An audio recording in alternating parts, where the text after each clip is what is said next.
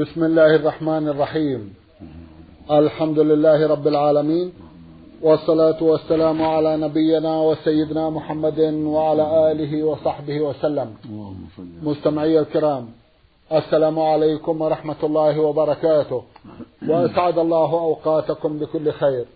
هذه حلقة جديدة مع رسائلكم في برنامج نور على الدرب. رسائلكم في هذه الحلقة نعرضها على سماحة الشيخ عبد العزيز ابن عبد الله بن باز المفتي العام للمملكة العربية السعودية ورئيس هيئة كبار العلماء. مع مطلع هذه الحلقة نرحب بسماحة الشيخ ونشكر له تفضله بإجابة الإخوة المستمعين فأهلا وسهلا بالشيخ عبد العزيز. حياكم الله وبارك. حياكم الله. أولى رسائل هذه الحلقة رسالة وصلت إلى البرنامج من أحد الإخوة المستمعين يقول سليمان قدورة أخونا يسأل ويقول هل لا بد أن أقرأ القرآن على أحد طلبة العلم حتى ولو كنت أجيد القراءة أم يكفي معرفتي حسب ما تعلمت؟ جزاكم الله خيرا. بسم الله الرحمن الرحيم. الحمد لله وصلى الله وسلم على رسول الله وعلى آله وأصحابه ومن اهتدى بهداه. أما بعد فإذا كنت قد تعلمت على من هو أهل للتعليم فهو يكفي والحمد لله. أما إذا كنت تشك في ذلك فيحسن منك أن تلتمس من القراء من تقرأ عليه حتى تتأكد من استقامة قراءتك وأنها موافقة للقراءة المتبعة السليمة فالمؤمن يحتاط ويحرص على تحسين صوته بالقراءة وإعطائه الحروف حقها. هكذا المؤمن حتى يقرأ كما شرع الله. نعم. جزاكم الله خيرا وأحسن إليكم. يسأل ويقول هل يجوز لبس الورقة الحجاب؟ وهي عبارة عن ورقة من دفتر عادي ويكتب عليها الشخص الذي يدعونه يكتب عليها آية الكرسي وسورة الفاتحة والمعوذتين. جزاكم الله خيرا. تعليق التمائم لا يجوز. لا أوراق ولا خرق ولا غير ذلك. ما كان النبي صلى الله عليه وسلم يفعل ذلك. ولم يرشد إلى هذا عليه الصلاة والسلام. وإنما أرشد إلى القراءة. قراءة القرآن والعلاج بالقرآن بالنفس. ما يحس به الإنسان ينفث على نفسه. وكان صلى الله عليه وسلم اشتكى نفث في كفيه. وقرأ قل هو الله أحد المعوذتين ثلاث مرات ثم مسح بذلك على ما أقبل من جسده رأسه ووجهه وصدره. أما أن يكتب أوراق تعلق هذا لا يجوز من هذا من وسائل الشرك والاعتماد على غير الله سبحانه وتعالى. ولهذا قال صلى الله عليه وسلم من تعلق تميمة فلا أتم الله له ومن تعلق ودعة فلا ودع الله له. ومن تعلق تميمة فقد أشرك. هذه يقال لها التمايم ويقال لها الحروز ويقال لها الحجب؟ ويسميها بعضهم الجامعات. كل هذا لا يجوز. لا يجوز تعليق لا قرآن ولا غير قرآن. وإذا كان من غير القرآن صار أشد في الإنكار. كالطلاسم أو العظام أو الحديد أو ما أشبه ذلك. وقد رأى النبي صلى الله عليه وسلم على إنسان حلقة صوف فقال ما هذا؟ قال من الواهنة. قال انزعها فإنها لا تجدها إلا وهنا المقصود أن المؤمن يتجنب هذه الأشياء. لا يعلق حديدة ولا ورقة ولا خرقة ولا غير ذلك. يرى أنها حرز ينفع من الجن أو ينفع من العين أو ما أشبه ذلك. ويسمونها الحروز يسمونها التمائم يسمونها الحجب كل هذا لا يجوز. والصواب أنها لا تجوز حتى ولو كانت من القرآن. الصواب منعها سدا للذريعة وعملا بالأحاديث العامة في منع التمائم والتعليقات. وهي الشرك الأصغر فإن كان صاحبه يعتقد أنها تدفع عن الشر بنفسها صار شركا أكبر أعوذ بالله. نعم. جزاكم الله خيرا وأحسن إليكم. بعد هذا رسالة وصلت إلى برنامج من مكة المكرمة وباعثها المستمع حسن أبو علي. الأخ حسن له عدد من القضايا يسألها ويقول هل إذا شرع الإمام في قراءة السورة التي بعد الفاتحة هل يجوز لي أن أقرأ الفاتحة وهو يقرأ ما يتيسر من القرآن؟ نعم لك أن تقرأ الفاتحة. لكن إذا تيسر أن تقرأها في حال السكوت فهو أولى. وإذا كان لا يسكت أو لم يتيسر له تقرأها. ثم تنصت. لقول النبي صلى الله عليه وسلم لعلكم تقرؤون خلف إمامكم. قلنا نعم. قال لا تفعلوا إلا بفاتحة الكتاب. فإنه لا صلاة لمن لم يقرأ بها. فإذا تمكنت من قراءتها في حال السكوت فافعل. وإلا فاقرأها ثم أنصت. لكن من نسيها من المأمومين أو جهل حكمها أو جاء والإمام راكع تجزئه الركعة والحمد لله. لأنها في حق المأموم أسهل. بخلاف الإمام والمنفرد فإنها ركن في حقهما. أما في حق المأموم فالجمهور على أنها سنة في حق المأموم. ما شاء الله. والصحيح أنها واجبة في حق المأموم لكن إذا نسي أو جهل سقطت عنه. أو جاء والإمام راكع ما أمكنه قراءتها نعم. أجزأته الركعة لهذه أبي بكر الذي جاء والنبي راكع فركع من الصف ثم دخل في الصف. فقال له النبي صلى الله عليه وسلم زادك الله حرصا ولا تعود. نعم. جزاكم الله خيرا. يقول إنني صاحب سيارة أجرة وفي يوم من الأيام عرض علي صاحب الفندق أن أتعامل معه على إيصال بعض المسافرين الذين يسكنون عنده.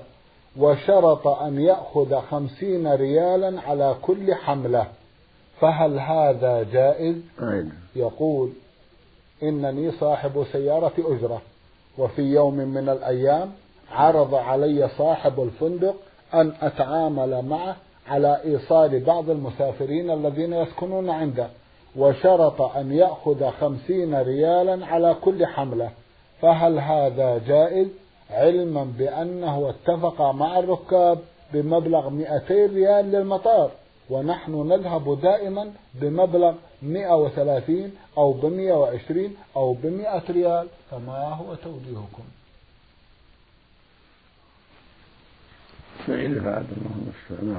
إنني صاحب سيارة أجرة. وفي يوم من الأيام عرض علي صاحب الفندق أن أتعامل معه على إيصال بعض المسافرين الذين يسكنون عنده وشرط أن يأخذ خمسين ريالا على كل حملة. فهل هذا جائز؟ علما بأنه اتفق مع الركاب بمبلغ 200 علما بأنه اتفق مع الركاب بمبلغ 200 ريال للمطار. ونحن نذهب دائما بمبلغ 130 أو 120 أو 100 ريال. تعطينا تعمل. خيرا. تزيد من لا بأس.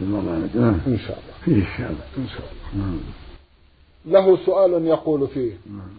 سبق وأن حلفت بالله بأن زوجتي لا تذهب إلى حفل زواج وبعد ذلك سمحت لها بالذهاب فهل علي كفارة وما هي الكفارة؟ أي. يقول حلفت على زوجتي ألا تذهب إلى حفل زواج وبعد ذلك سمحت لها بالذهاب فهل علي كفارة وما هي الكفارة؟ إذا كنت أردت إلا بإذنك فلا عليك شيء. أما إذا كنت حلفت أن لا تذهب ولم تستنوي إلا بإذنك فإنها متى ذهبت عليك كفارة كفارة اليمين. نعم. نعم. جزاكم الله خيرا. يسأل عن حكم الشك وهل على الإنسان إذا شك إثم؟ وماذا عليه أن يفعل تجاه ذلك؟ جزاكم الله خيرا. الشك فيه تفصيل. نعم. كان مقصود الشك الطهارة إذا تطهر المشك هل أحدث الأصل الطهارة. أو شك هل طلق أو ما طلق الأصل السلامة ولا طلق. أما إذا كان أردت الشك هل توضأ أو ما توضأ فالأصل عدم الوضوء. يعني توضأ إذا كان عارف قد عرف الحدث نعم. ولكن شك هل توضأ أو ما توضأ فالأصل عدم الوضوء يتوضأ وكذلك شك هل أدى الدين اللي عليه لفلان أو ما أداه يسأله يقول أدي ما أعطيك ولا ما أعطيك نعم. حتى يعطي حقه نعم فالشك فيه تفصيل نعم جزاكم الله خيرا وأحسن إليكم نعم. إذا وصل إلى أكبر من ذلك مثلا سماحة الشيخ مثلا بين الرجل وأهل بيته الواجب عليه تقوى الله. طيب. ولا ولا يسعى به الظن. نعم. يبتعد عن شك عن ظن السوء. الله سبحانه يقول اجتنبوا كثيرا من الظن. إن بعض الظن إثم. والنبي صلى الله عليه وسلم يقول إياكم والظن فإن الظن أكذب الحديث. هكذا يقول صلى الله عليه وسلم. فإن رأى امارات توجب الريبة نصحها ووجهها إلى الخير وحذرها من أسباب الريبة. ولا يجزم إلا بدليل. نعم. جزاكم الله خيرا وأحسن إليكم. يقول هل من حق الفتى أن يختار شريكة حياته بنفسه؟ أم والداه هما اللذان يجبرانه على أن يأخذ فتاة معينة. فمثلا والدي يصر على أن يزوجني من ابنة عمي وليس لي رغبة فيها. هل عدم طاعة الوالدين في هذه الحالة تعتبر من العقوق؟ جزاكم الله خيرا. وصاحب هذه الرسالة هو المستمع فا عين قاف من مصر قنا لا يلزمك لأن النكاح أمره عظيم. فإذا كانت المرأة لا تناسبك فإنه لا يلزمك إنما الطاعة في المعروف لكن تستسمح والديك بالكلام الطيب والأسلوب الحسن حتى تلتمس أنت ووالداك امرأة تناسبك. فإن الزواج بامرأة لا تناسبك ولا تريدها يضر ولا ينفع. خسارة. فالواجب على والديك لا يجبراك على امرأة لا تريدها. والواجب عليك أن تستسمحهما وتستعمل معهما الرفق والكلام الطيب حتى لا تقع بينك وبين بينهما شيء من العقوق. نعم. حتى لا يقع بينك وبينهما شيء من العقوق. نعم. والفرقة والاختلاف. نعم. جزاكم الله خيرا وأحسن إليكم. بعد هذا رسالة بعث بها المستمع سلطان الحارثي. أخونا له أكثر من قضية في إحدى القضايا التي يسأل عنها يقول أرجو أن تتفضلوا بإيضاح الفرق بين القرآن الكريم والحديث القدسي. وإذا كنت لا أحفظ نص الحديث القدسي فهل يجوز أن أقول معنى ذلكم الحديث كذا وكذا؟ وهل تجوز صلاة نافلة بالحديث القدسي. جزاكم الله خيرا. القرآن هو كلام الله المعجز. جعله الله إلى النبي صلى الله عليه وسلم وجعله دليلا على صدق رسالته وأنه رسول الله حقا. القرآن هو كلام الله. جعله سبحانه معجزا للنبي صلى الله عليه وسلم ودليلا على أنه رسول الله حقا. يقرأ به المؤمن في صلاته وفي غيرها يتعبد بذلك. فهو كلام الله حروفه ومعانيه. كلام الله حروفه ومعانيه هو كلام الله. تكلم به سبحانه. ونزل به جبرائيل إلى النبي صلى الله عليه وسلم. هذا هو أهل السنة والجماعة. هو كلام الله حقا. ليس كلام غيره. أما الحديث القدسي فهو الكلام المنسوب إلى الله. نسبه النبي صلى الله عليه وسلم إلى الله يقال حديث قدسي. يعني حديث عن الله جل وعلا. فهو أيضا يعتبر من كلام الله. لفظه ومعناه إذا ثبت عن النبي صلى الله عليه وسلم قال قال الله كذا فيعتبر من كلام الله. هذا هو الصحيح. لفظه ومعناه. نعم. كما في الحديث يقول الله جل وعلا يا عبادي إني حرمت الظلم على نفسي وجعلته بينكم محرما فلا تظالموا. يا عبادي كلكم ضال إلا من هديته واستهدوني أهدكم. هكذا قال النبي صلى الله عليه وسلم عن الله عز وجل. وهكذا ما جاء في معناه من الأحاديث. التي ينقل النبي صلى الله عليه وسلم ينقلها النبي عن الله يقول هذا كلام الله هذا يسمى حديث قدسي ولكن ليس له حكم القرآن ليس بمعجز ولا يقرأ به في الصلاة الصلاة يقرأ فيها بالقرآن خاصة. أما الأحاديث القدسية يقرأ غير ذلك فائدة. في نفسه أو مع إخوانه لفائدة نعم. أما يعني يقرأ بالصلاة بالحديث القدسي في الصلاة لا. ليس حكم القرآن في هذا. القرآن معجز ويقرأ في الصلوات فله حكم آخر. ولكن الحديث القدسي ينسب إلى الله ويقال إنه كلام الله لفظه ومعناه ليس لكن ليس بمعجز. وليس له حكم القرآن في أن لا يمس الكتاب اللي فيه إلا طاهر وليس له حكم القرآن في أن يقرأ به في الصلاة. هذا شيء وهذا شيء. نعم. جزاكم الله خيرا وأحسن إليكم. يسأل سماحتكم هل يجوز أن أروي الحديث القدسي بمعنى؟ إذا تيقنت. إذا علمت معناه يقينا. نعم. وليس عندك شك فروي بمعنى. مثل حديث النبي صلى الله عليه وسلم. نعم. ما شاء الله. جزاكم الله خيرا وأحسن إليكم. يسأل في قضية يقول هل يجوز للمرأة أن تقبل الحجر الأسود؟ وتستلم الركن اليماني؟ إذا تيسر ذلك من دون مزاحمة من الرجال ولا فتنة إذا تيسر في وقت خلوة وعدم قلة من الرجال فلا بأس وإلا فإنها تطوف من وراء الناس في أطراف المطاف. بعدا عن الفتنة. نعم. جزاكم الله خيرا وأحسن إليكم. بعد هذا رسالة بعث بها بل بعثت بها إحدى الأخوات المستمعات تقول المرسلة هدى عبد الله الأخت هدى لها أكثر من قضية تقول امرأة توفي لها طفلان ولد وبنت. كلاهما لم يتجاوز الخامسة من العمر. غرقا في بركة ماء وكان ذلك منذ زمن طويل. كان البيت مزرعة وبه بركة ماء وهي كانت مشغولة عنهما بأعباء المنزل. فما هو توجيهكم لها الآن؟ جزاكم الله خيرا. ليس عليها شيء. الحمد لله لأنها لم تسبب في ذلك. ألا إذا وضعتهما على البركة وتركتهما هذا تفريط. أما إذا كان في البيت على المعتاد وذهب بسولها وهما ذهبا إلى البركة ليس عليها شيء. والحمد لله نعم. جزاكم الله خيرا وأحسن إليكم. ما هي النصيحة التي تتفضلون بها لأولئك الذين يصفون أنفسهم؟ بالالتزام ويزكون أنفسهم ويقولون نحن نؤدي العبادة الصلاة والصوم ويقولون سندخل الجنة إن شاء الله ما هو نصحكم لمثل هؤلاء. جزاكم الله خيرا.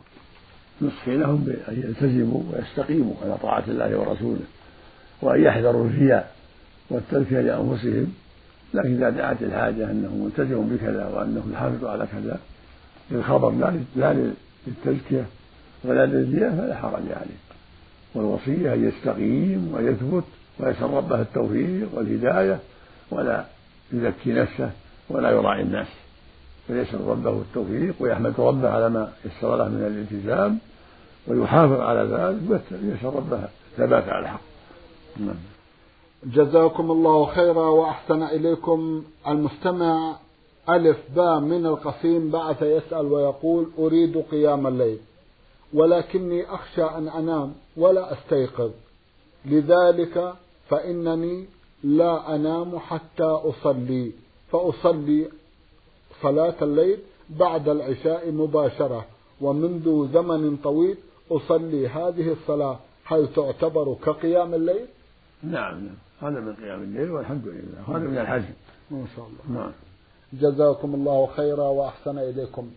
المستمع إبراهيم سالم بعث برسالة يقول لقد قضيت فريضة الحج وكنت متمتع وأحب أن أقضي عمرة عن والدي وعمرة عن والدتي فهل يجوز هذا؟ جزاكم الله خيرا. نعم. أنت معجور اعتبرت عن أخي عن أبيك أو حججت عن أمك كذلك. أنت معذور إذا كان ميتين أو عاجزين لكبر السن فأنت مأجور على كل حال. فتحج عن أبيك أو تعتمر عن أبيك وإذا أديت الأمر عن نفسك ثم اعتمرت عنهما كل ذلك حسن.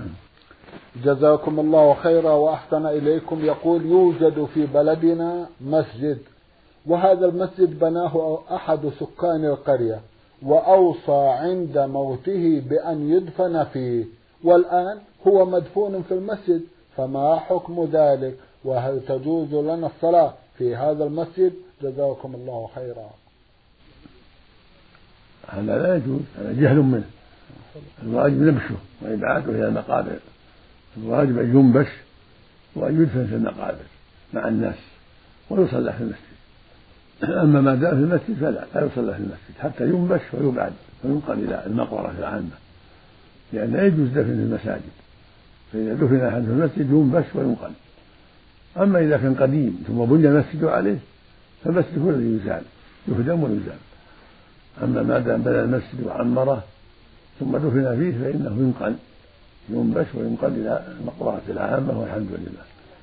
جزاكم الله خيرا. يقول أعلم أن قراءة سورة الملك كل ليلة لها فضل عظيم. فهل يجوز أن أقرأها عن والدي ووالدتي كل ليلة؟ حيث أنهم لا يستطيعون القراءة والكتابة. أين. أعلم والحمد لله أن قراءة سورة الملك كل ليلة لها فضل عظيم. فهل يجوز أن أقرأها عن والدي ووالدتي كل ليلة حيث أنهم لا يستطيعون القراءة والكتابة؟ ليس لهذا أصل أن تقرأ عن غيرك. تقرأ عن نفسك. والأحاديث في فضل قراءتها كل ليلة فيها ضعف أيضا. ولكن تجتهد في قراءة القرآن من أوله إلى آخره. كل ما ختمت أعدته. جزاك الله خير لنفسك لا يعني لا لوالديك. بل تقرأ القرآن ترجو ثواب الله لنفسك. وإذا دعوك لوالديك أو صدقت عنهما فأنت مأجور. أما القراءة لا تقرأ عن أحد. تقرأ عن نفسك. تريد ثواب الله. هذا هو المشروع. وسورة الملك ليس فيها حديث ثابت في قراءتها كل ليلة. ولكن تقرأ من أول القرآن إلى آخره كل ما أكملت ترجع وأنت على خير عظيم. يقول النبي صلى الله عليه وسلم اقرأوا القرآن فإنه يأتي شفيعا لأصحابه يوم القيامة. ويقول من قرأ القرآن فله بكل حرف حسنة والحسنة بعشر أمثالها. فأنت على خير إن شاء الله. نعم. جزاكم الله خيرا وأحسن إليكم. يسأل أحد الإخوة المستمعين عن موقع الصلاة في نفس العمل. هل يجوز أم لا بد أن تصلى في المسجد ولا سيما إذا كان المصلي ولا سيما إذا كان المصلي مجاورا للمسجد. يقول في موقع العمل لدينا مكان خاص للصلاة. نصلي به صلاة الظهر ويوجد بجوارنا مسجد. فهل تجوز لنا الصلاة في المسجد إدارتنا؟ أم لا بد أن نصلي في المسجد الذي بجوارنا؟ الواجب عليكم الصلاة في المسجد الذي بجواركم. لقول النبي صلى الله عليه وسلم من سمع النداء فلم يأتي فلا صلاة له إلا من عذر. وقد جاءه صلى الله عليه وسلم رجل أعمى قال يا رسول الله ليس لي قائد يقود من المسجد فهل لي من رخصة أن أصلي في بيتي؟ فقال عليه الصلاة والسلام هل تسمع النداء بالصلاة؟ قال نعم. قال فأجب وقد ثبت عنه عليه الصلاة والسلام أنه هم أن يحرق على من تخلف بيته هم أن يحرق على المتخلفين بيوتهم لأجل تخلفهم عن صلاة الجماعة في المسجد. فالواجب على المؤمن وعلى جميع المؤمنين الصلاة في المساجد إذا كانت قريبة منهم. أما إذا كانت بعيدة لا يسمعون صوت المنادي صوت المؤذن في الأوقات المناسبة الهادئة فإنهم لا تلزمهم. الصلاة في المسجد البعيد صلوا في محلهم لا بأس. أما صوت المكبر ما يكفي لأن المكبر من بعيد. نعم. لكن إذا كان المسجد قريب بحيث لو أذن المؤذن في الأوقات المعتادة سمعوا يلزمهم أن يصلوا فيه ويخرجون. نعم. جزاكم الله خيرا وأحسن إليكم. يقول استنادا لحديث بلال رضي الله عنه. ما توضأت إلا وصليت ركعتين بعد الوضوء فأنا أتوضأ أحيانا في أوقات نهي مثال ذلك بعد صلاة العصر أو بعد صلاة الفجر أو أو عند غروب الشمس وعند طلوعها مثلا فهل علي إثم إذا ما صليت ركعتي الوضوء؟ جزاكم الله خيرا. المستحب الوضوء المستحب الصلاة إذا توضأ الإنسان نعم. يصلي ركعتين سنة الوضوء في أي وقت ولو في وقت النهي. لأن الرسول صلى الله عليه وسلم قال من صلى من توضأ مثل مثل وضوء هذا ثم صلى ركعتين. لا يحدث فيه نفسه غفر له ما تقدم من ذنبه. فالمقصود أنه صلى الله عليه وسلم كان إذا توضأ صلى ركعتين. ورغب الناس في ذلك عليه الصلاة والسلام. ويقال سنة الوضوء. فلا مانع أن تصلى في وقت النهي وغيره. لأنها سنة مؤكدة. نعم. موظف يخرج بإذن موقع من رئيسه المباشر ومن مدير الإدارة لمدة ساعة أو ساعتين أو ثلاث أو اليوم كله مثلا. فهل عليه شيء؟ وما حكم الراتب الذي يستلمه كاملا في كل شهر؟ موظف يخرج بإذن موقع من رئيسه المباشر ومن مدير الإدارة لمدة ساعة أو ساعتين أو ثلاثة واليوم كله. فهل عليه شيء؟ وما حكم الراتب الذي يستلمه كاملا آخر الشهر؟ نرجو أن لا يكون عليه شيء. إذا كان بإذن المسؤول نرجو أن لا يكون عليه شيء. اللهم إلا إذا كان عن خيانة وعن قلة مبالاة فلا يجوز. إذا عطل العمل أو سامحه لأجل مصلحة خاصة لمديره أو ما أشبه ذلك. أما لعارض يعرض له سامح مديره أو رئيسه لعارض عرض له فنرجو أن لا حرج عليه. أما إذا كان على سبيل الخيانة والتساهل أو مصالح الرئيس أو المدير هذا لا يجوز. جزاكم الله خيرا. إنسانا دوما يشغل نفسه باليوم الآخر وبالموت وبالحساب يوم القيامة. ويخاف أن يكون من أهل النار وأن عمله لا يقبل منه وأنه قد يكون فيه شرك ويخاف أن يدخل عليه الشرك من حيث لا يدري ودوما يردد قوله اللهم إني أعوذ بك أن أشرك بك شيء وأنا أعلم. وأعوذ بك أن أشرك بك شيئا وأنا لا أعلم. ماذا عليه؟ وهل عليه إثم؟ جزاكم الله خيرا. نعم. يقول إنسانا دوما مشغل نفسه باليوم الآخر وبالموت وبالحساب يوم القيامة ويخاف أن يكون من أهل النار وأن عمله لا يقبل منه وأنه قد يكون فيه شرك ويخاف أن يدخل عليه الشرك من حيث لا يدري. ودوما يردد قوله اللهم إني أعوذ بك أن أشرك بك شيئا وأنا أعلم. وأعوذ بك أن أشرك بك شيئا وأنا لا أعلم ماذا عليه وهل عليه إثم. جزاكم الله خيرا. عليه أن يجتهد في محاربة الشكوك وهو إن شاء الله على خير لأن هذا حمله عليه الخوف من الله والحذر من الشرك.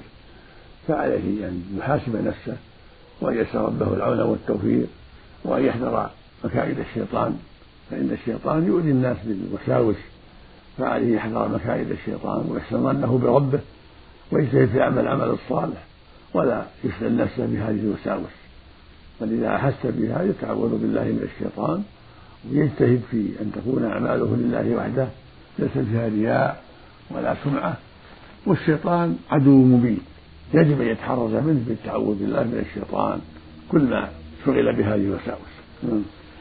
جزاكم الله خيرا وأحسن إليكم سماحة الشيخ في ختام هذا اللقاء.